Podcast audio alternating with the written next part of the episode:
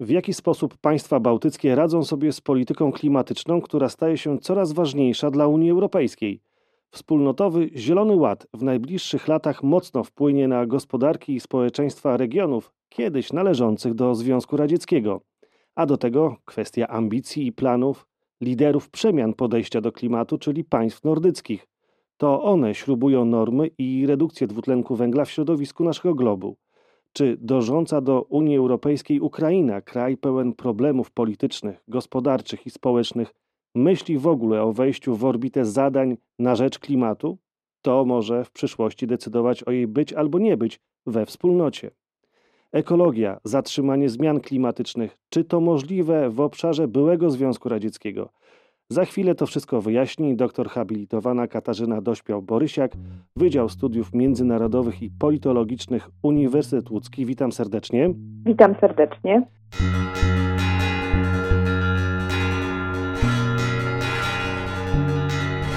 Podcasty Nowej Europy Wschodniej. Jest Pani współautorką pracy Polityki klimatyczne Litwy, Łotwy i Estonii Priorytet czy margines opublikowanej przez Instytut Europy Środkowej.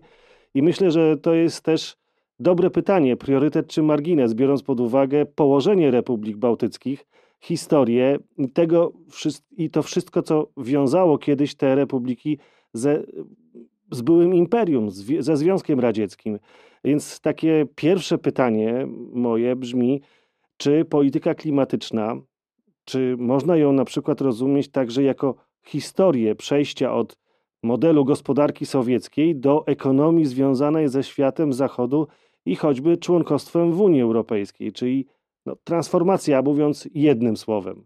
Dziękuję za, za y, tak ciekawe pytanie, bo mówiąc szczerze, rzeczywiście można potraktować politykę klimatyczną we współczesnym świecie nie tylko w przypadku tych trzech państw, ale ogólnie jako taką dźwignię rozwojową, która być może przeniesie nas do nowego modelu gospodarczego, modelu bardziej zrównoważonego, zielonego, opartego na nowych technologiach niskoemisyjnych. I rzeczywiście w przypadku tych trzech państw polityka klimatyczna była pewnym elementem szeroko rozumianej transformacji modernizacji i przejścia też w kierunku, powiedziałabym, pewnego nowego modelu wartości, bo e, te wartości klimatyczne były dla państw bałtyckich, powiedziałabym, nowym, nowym obszarem. Także jak najbardziej należy to potraktować jako pewną e, dźwignię e, rozwojową, zarówno w tym takim wymiarze stricte gospodarczym, jak i nawet powiedziałabym mentalnym. W państwach bałtyckich, i to wynika również e, z raportu Instytutu Europy Środkowej, e, wynika, że rośnie świadomość ocieplenia klimatu, może nie we wszystkich równomiernie oczywiście. Natomiast to, co mnie ciekawi, to czy brane są e, te aspekty pod uwagę przez partie polityczne? Czy to jest temat na przykład kampanii politycznych y, na Litwie, w Łotwie i w Estonii, czy programów, czy w ogóle tematyka ekologiczna i klimatu mieści się w ramach między innymi walki politycznej? Ja muszę powiedzieć, że z innymi autorami tego mm, opracowania, którym no, też bardzo dziękuję, panią Aleksandrą Kuczyńską-Zonik, z Damianem Szecawą i Dominikiem Wilczewskim.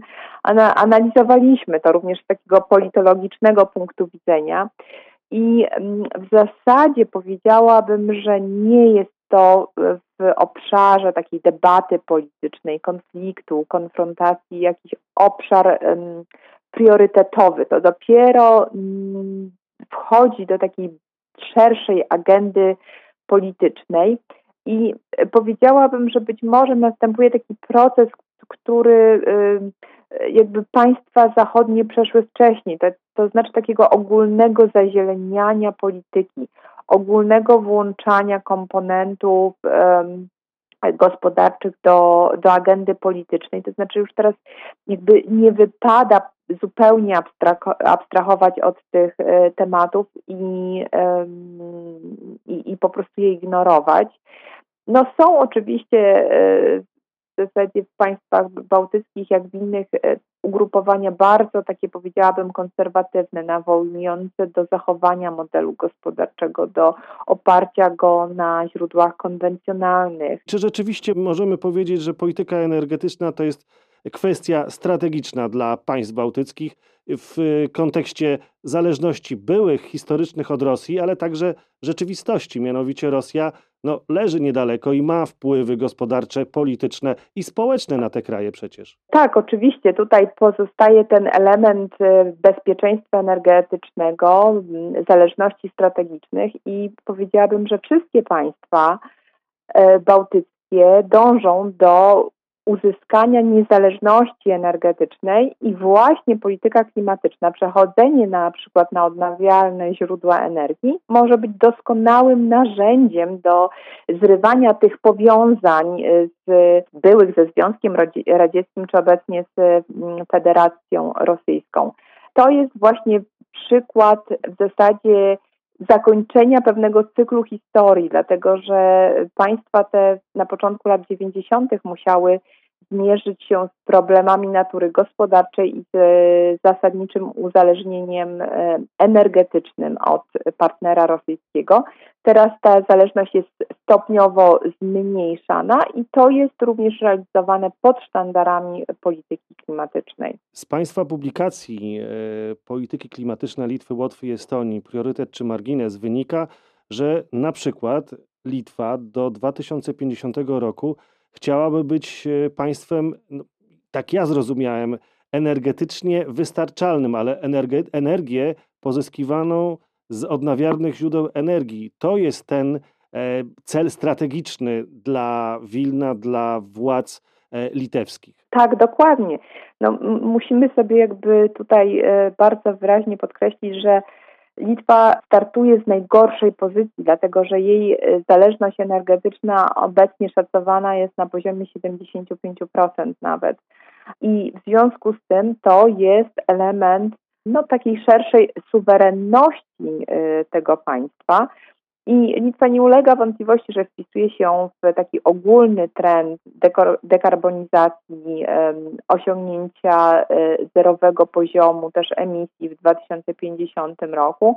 I właśnie e, niezależność energetyczna, czyli, czyli bazowanie przede wszystkim na własnych zasobach energetycznych, własnych rozwiązaniach, może być tutaj po prostu właściwym kierunkiem. No, jak również powiązanie z innymi państwami członkowskimi Unii Europejskiej, dlatego że funkcjonujemy w jednej e, współzależnej rodzinie i ta zależność nie ulega wątpliwości będzie wzrastać. Litwa musiała się zdecydować na porzucenie energii atomowej. To był dość poważny ruch e, polityczno-energetyczny. E, czy społeczeństwo litewskie jest gotowe na dalsze pogłębianie tej polityki klimatycznej i korzystanie z odnawialnych źródeł energii, no, biorąc też pod uwagę zaszłości, które nie tak łatwo jest y, mm, y, zapełnić, prawda? Przecież to jest kraj e, sowchozów, kołchozów, takiego, a nie innego budownictwa. Ta cała złożona struktura, bym powiedział, infrastruktury i społeczeństwa powoduje, że trudno ludziom na pewnym poziomie życia akceptować politykę klimatyczną, która wymaga przecież pieniędzy. To jest, powiedziałabym, w ogóle szerszy dylemat polityki klimatycznej, czyli na całym świecie możemy na powiedzieć, całym prawda? świecie, tak. To, to mm, w zasadzie, czy przeniesiemy to pytanie na grunt polski, czy, czy nawet y, państw Europy Zachodniej mniej więcej powstaną podobne dylematy, czyli kto ma za, to, za tą e, modernizację płacić, w jakiej skali, czy te koszty powinien ponieść obywatel. Jeżeli tak, to należy spodziewać się sprzeciwu wobec, e, wobec takiej opcji. I no rzeczywiście Litwa e, powiedziałabym przeszła najbardziej głęboką transformację, bo mm, właśnie tak jak Pan e, wspomniał, elektrownia atomowa też w wyniku jakby kryteriów Unii Europejskiej została zamknięta i paradoksalnie jakby uniemożliwiono Litwie tym samym produkcję czystej energii. Teraz widzimy w skali globalnej pewien powrót do energii atomowej, co wynika właśnie z wymogów polityki przede wszystkim klimatycznej, niskiej emisyjności energii. I nie ulega wątpliwości, że, że Litwinom będzie być może trudno zrealizować te cele, jeżeli nie będzie w tym kierunku odpowiednich zachęt. To jest jakby taki mechanizm, który wszędzie powinien działać, czyli system zachęt, edukacja przede wszystkim, tworzenie dobrych warunków e, dla inwestycji. Myślę, że wtedy jakby ta gospodarka oparta na zielonym komponencie może się rozwinąć. Mówiła Pani o tych starciach politycznych konserwatystów y, energetycznych z liberałami, tak na potrzeby tej rozmowy ich, ich nazwijmy. E, myślę, że tutaj dobrym przykładem jest Estonia, w której e, to napięcie jest wyczuwalne, bo e, no 85% całej energii wytwarzanej w Estonii pochodzi z łupków bitumicznych. Te łupki no, nie spełniają tych wymagań ekologicznych, o jakich mówi polityka klimatyczna chociażby Unii Europejskiej. To też jest kraj, który, no, bardzo ciekawe, z jednej strony zderzenie konserwatyzmu z liberalizmem w kraju, w którym tak wysokotechnologicznie i tak wysoką wagę do technologii się przykłada, chociażby nawet y, tych nowoczesnych, y, internetowych, cała branża IT, głosowanie przez internet. Tak. To wszystko stawia nam Estonię na takim piedestale nowoczesności, a tu, proszę bardzo, dyskusja pomiędzy węglem, e, przepraszam, pomiędzy mm, łupkami bitumicznymi, a energią odnawialną i źródłami odnawialnej energii. W zasadzie to nasze opracowanie uwydatniło taki pewien paradoks i wniosło pewną taką rysę, powiedziałabym, na takim marketingowym imidżu Estonii, który jest generalnie bardzo dobry. Estonia jako mały, ale nowoczesny kraj dynamiczny, w największym stopniu przypominający mm, państwa nordyckie, okazało się, że nie jest w stanie podążać ścieżką y, zrównoważoną ze względu na swoje zasoby naturalne. I to jest, można powiedzieć, swego rodzaju klątwa, bo mm, łupki bitumiczne zapewniają przede wszystkim energię, własną energię. E, Estonia jest najbardziej e, niezależnym państwem wśród wszystkich republik bałtyckich pod względem energetycznym i jest to też taki sektor, który zapewnia miejsca pracy. Dodatkowo jeszcze nakłada się tutaj czynnik narodowe, a mianowicie łupki znajdują się przede wszystkim we wschodniej części kraju, y, również północno-wschodniej, gdzie zamieszkuje przede wszystkim ludność rosyjskojęzyczna. W związku z tym jakby na taki podział energetyczny y, po, nakłada się y, podział narodowy, mm, kwestie językowe, jest to, y, no, przypomnijmy, ten, ta grupa społeczna, która jest y, słabiej zintegrowana, która słabiej przeszła transformację, nie y, jakby zdobyła odpowiedniego udziału, powiedziałabym, w przemianach, z, z, różnych względów też z powodu jakby struktury wiekowej, struktury zatrudnienia, w każdym razie to jest już nie tylko kwestia polityki klimatycznej, ale e, ogólnego, powiedziałabym, takiego ładu społecznego w, Estonii. Tutaj właśnie ścierają się e, dwie, e, dwie siły. I no, to między innymi powoduje na przykład fakt, że Estonia jest państwem, które nie jest tutaj zwolennikiem takich zdecydowanych, ambitnych rozwiązań w ramach Unii Europejskiej i e, dąży do tego jednak, żeby sektor bitumiczny, powiedzmy sobie, ochronić. To jest sektor, e, no oprócz tego, że bardzo emisyjny, dlatego że Estonia ma dwa razy większe emisje dwutlenku węgla per capita od średniej w Unii Europejskiej, ale mm, jest to też e, sektor, który jest dużym zagrożeniem dla środowiska naturalnego. W związku z tym e, no, duży dylemat przed decydentami, e, co, co w danym momencie jest priorytetem. I zresztą w ramach e, strategii klimatycznych zawsze musimy brać pod uwagę bardzo długie perspektywy, dlatego my mówimy o roku 2030, to już jest praktycznie zaraz z perspektywy klimatycznej, ale mówimy o 2050 na przykład. I no, wydaje się, że taki, takie strategie do końca jeszcze nie zostały opracowane, jak tę kwestię rozwiązać. Zanim opowiemy o prymusie, to chciałbym, byśmy przeskoczyli na południe, mianowicie Ukraina. Mi się tutaj pojawia jako kraj może nie z podobnymi problemami, bo Estonia to jest y, może tej, pomimo nawet tej rysy na wizerunku, prawda, e, którą wykazaliście Państwo w raporcie, mm, mówiąc umownie oczywiście, no Ukraina boryka się z potężnymi problemami natury politycznej, społecznej, gospodarczej, e, wojną w Donbasie.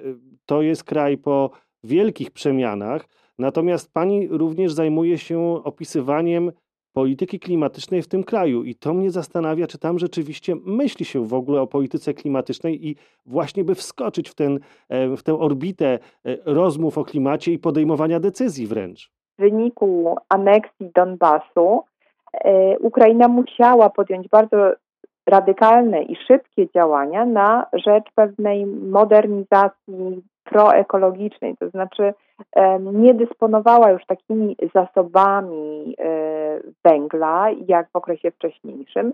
Mało tego, okazuje się, że przecież węgiel staje się generalnie w skali e, globalnej mało rentowny. W związku z tym takim najprostszym rozwiązaniem wydają się szybkie inwestycje w sektor energii odnawialnej. I w przeciągu ostatnich dwóch lat e, na Ukrainie podjęto bardzo e, dużo różnych działań, też na natury legislacyjnej, które będą miały doprowadzić do właśnie zwrotu e, niskoemisyjnego i to wynika, wydaje się, przede wszystkim z przyczyn strategicznych, czyli takiej chęci odcięcia od uzależnienia od dostaw surowców ze wschodu. Ale w takim razie co wybiera Ukraina? Panele solarne, hydroelektrownie. Trudno mi się sobie to wyobrazić, by tam to przeszło w społeczeństwie, mówiąc kolokwialnie. Czy może no, gaz ziemny jest jakoś ekologicznie wykorzystywany do, do, do, do produkowania energii, która, no, biorąc pod uwagę, w jaki sposób chociażby są ocieplane budynki w Kijowie czy na prowincji na Ukrainie, no to też pokazuje skalę problemu. Tak, no tutaj skala problemu rzeczywiście jest e, duża na poziomie makro, czyli prawda, dużych przedsiębiorstw, po, po ten poziom mikro poszczególnych gospodarstw domowych i rzeczywiście gaz ziemny jest tutaj rozwiązaniem. E, natomiast ten zwrot w kierunku OZE cały czas jest, e, jest promowany właśnie dlatego, że Władze y, ukraińskie zdają sobie sprawę, że taka prawdziwa, głęboka transformacja energetyczna, pełna, łącznie z sieciami przesyłowymi, jest praktycznie na e, obecnym etapie niemożliwa, bo wymaga bardzo wysokich inwestycji, przede wszystkim zagranicznych. W związku z tym, moim zdaniem, e, obecnie promowany jest taki model y, mikro, to znaczy małych inwestycji, być może farm wiatrowych, małych rozwiązań modernizacyjnych, które y, zwiększą na przykład efektywność energetyczną. I y, no tutaj również dla polskich firm wydaje się to być dobrą informacją. Już mamy takie pojedyncze, co prawda, sygnały wchodzenia na ten rynek wschodni, który staje się po prostu rynkiem coraz bardziej e, przyjaznym, coraz bardziej otwartym. To w takim razie powiedzmy jeszcze trochę o prymusie polityki klimatycznej w byłych europejskich republikach e, Związku Radzieckiego, czyli Łotwa. Takim wymiernym i wizualnym efektem polityki klimatycznej no, są chociażby autobusy w Rydze napędzane na wodór. To jest rzecz bez precedensu w Europie Środkowej, o czym piszecie w swoim raporcie. Tak, to są właśnie również rozwiązania mikro, ale pokazujące e, podejście władz do, do tych rozwiązań, e, taką powiedziałabym inną, inną e, filozofię. Oczywiście tutaj też w znacznym stopniu decyduje kwestia zasobów. Łotwa ma bardzo dobre zasoby hydroenergetyczne i z nich e, korzysta. To jest generalnie atut tego państwa. Jest też państwem, które zwraca bardzo dużą uwagę na bioróżnorodność, na ochronę środowiska, powiedziałabym w dużo większym stopniu od pozostałych republik bałtyckich. Jest też takim, powiedziałabym, liderem na e, arenie europejskiej, bo naciska wręcz, naciska e, inne państwa europejskie na e, podwyższenie poziomu ambicji polityki klimatycznej w całej Unii Europejskiej. Łotwie jest łatwiej, dlatego że Łotwa już w zasadzie przekroczyła cele stawiane ogólnie dla Unii Europejskiej, jeśli chodzi właśnie o udział e, odnawialnych e, źródeł energii w produkcji ogólnej. W związku z tym jest jej łatwiej, natomiast e, do tego prowadził szereg małych inicjatyw, również właśnie na poziomie lokalnym. To jeszcze powiedzmy o wkładzie Niemiec w politykę klimatyczną Republik Bałtyckich, bo to jest niezwykle ciekawe moim zdaniem, dlatego że po pierwsze teraz Unia Europejska promuje swój zielony ład. Niemcy tutaj są dużym, no, można powiedzieć, mocnym adwokatem tych e, rozwiązań, tej polityki unijnej, ale i Niemcy też w jakiś sposób, czy oni współpracują chociażby właśnie z Łotwą, z Litwą, z Estonią w dziedzinie polityki klimatycznej i czy właśnie też tworzą taką koalicję z państwami nordyckimi, bo o nich też nie możemy zapomnieć, mówiąc o republikach bałtyckich. Niemcy są e, takim największym e, orędownikiem zwiększenia ambicji polityki klimatycznej e, i powiedziałabym, że tutaj jest pewna zbieżność pomiędzy przewodniczącą komisji i panią kanclerz. Wspólnie promują nowe rozwiązania, podwyższanie ambicji, co miało miejsce przecież w zasadzie no, kilka tygodni temu, jeszcze przed świętami, prawda, kiedy y, ustalono, że do 2030 roku ten poziom redukcji gazów cieplarnianych w Unii ma wy, wynieść 55% względem roku 1990. I właśnie za tymi negocjacjami w dużym stopniu stoją Niemcy. To znaczy, generalnie powiedziałabym, że Niemcy podwyższają te cele, Natomiast e, jeśli chodzi o taką współpracę bilateralną, oczywiście są to jakby poszczególne inicjatywy, poszczególne przykłady współpracy.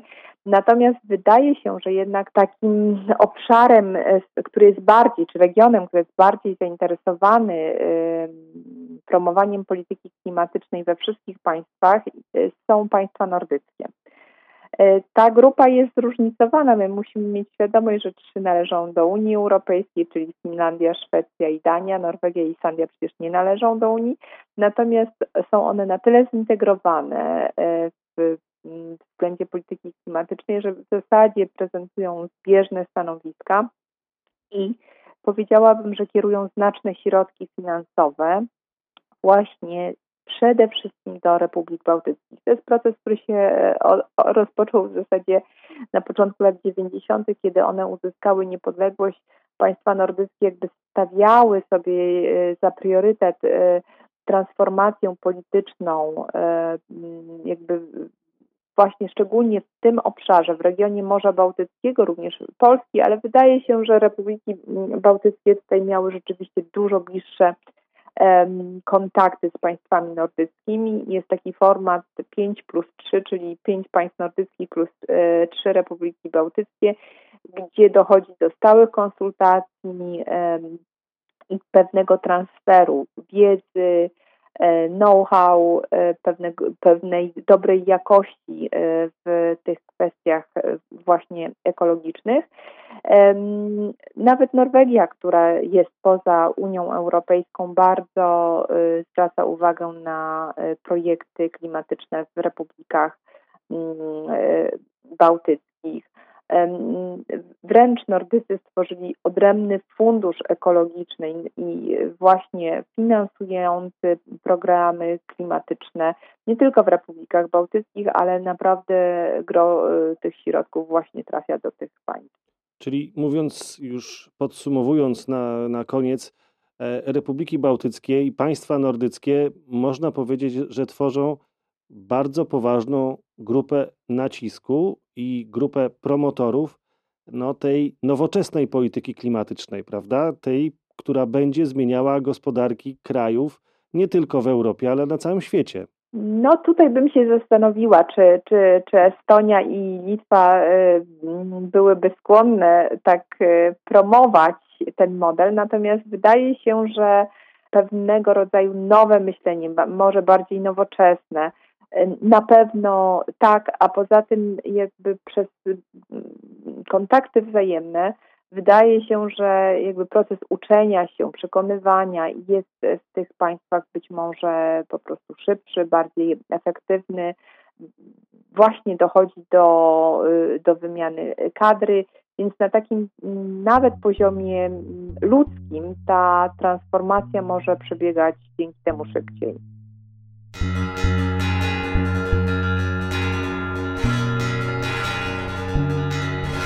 Podcast zrealizowany przez Free Range Productions.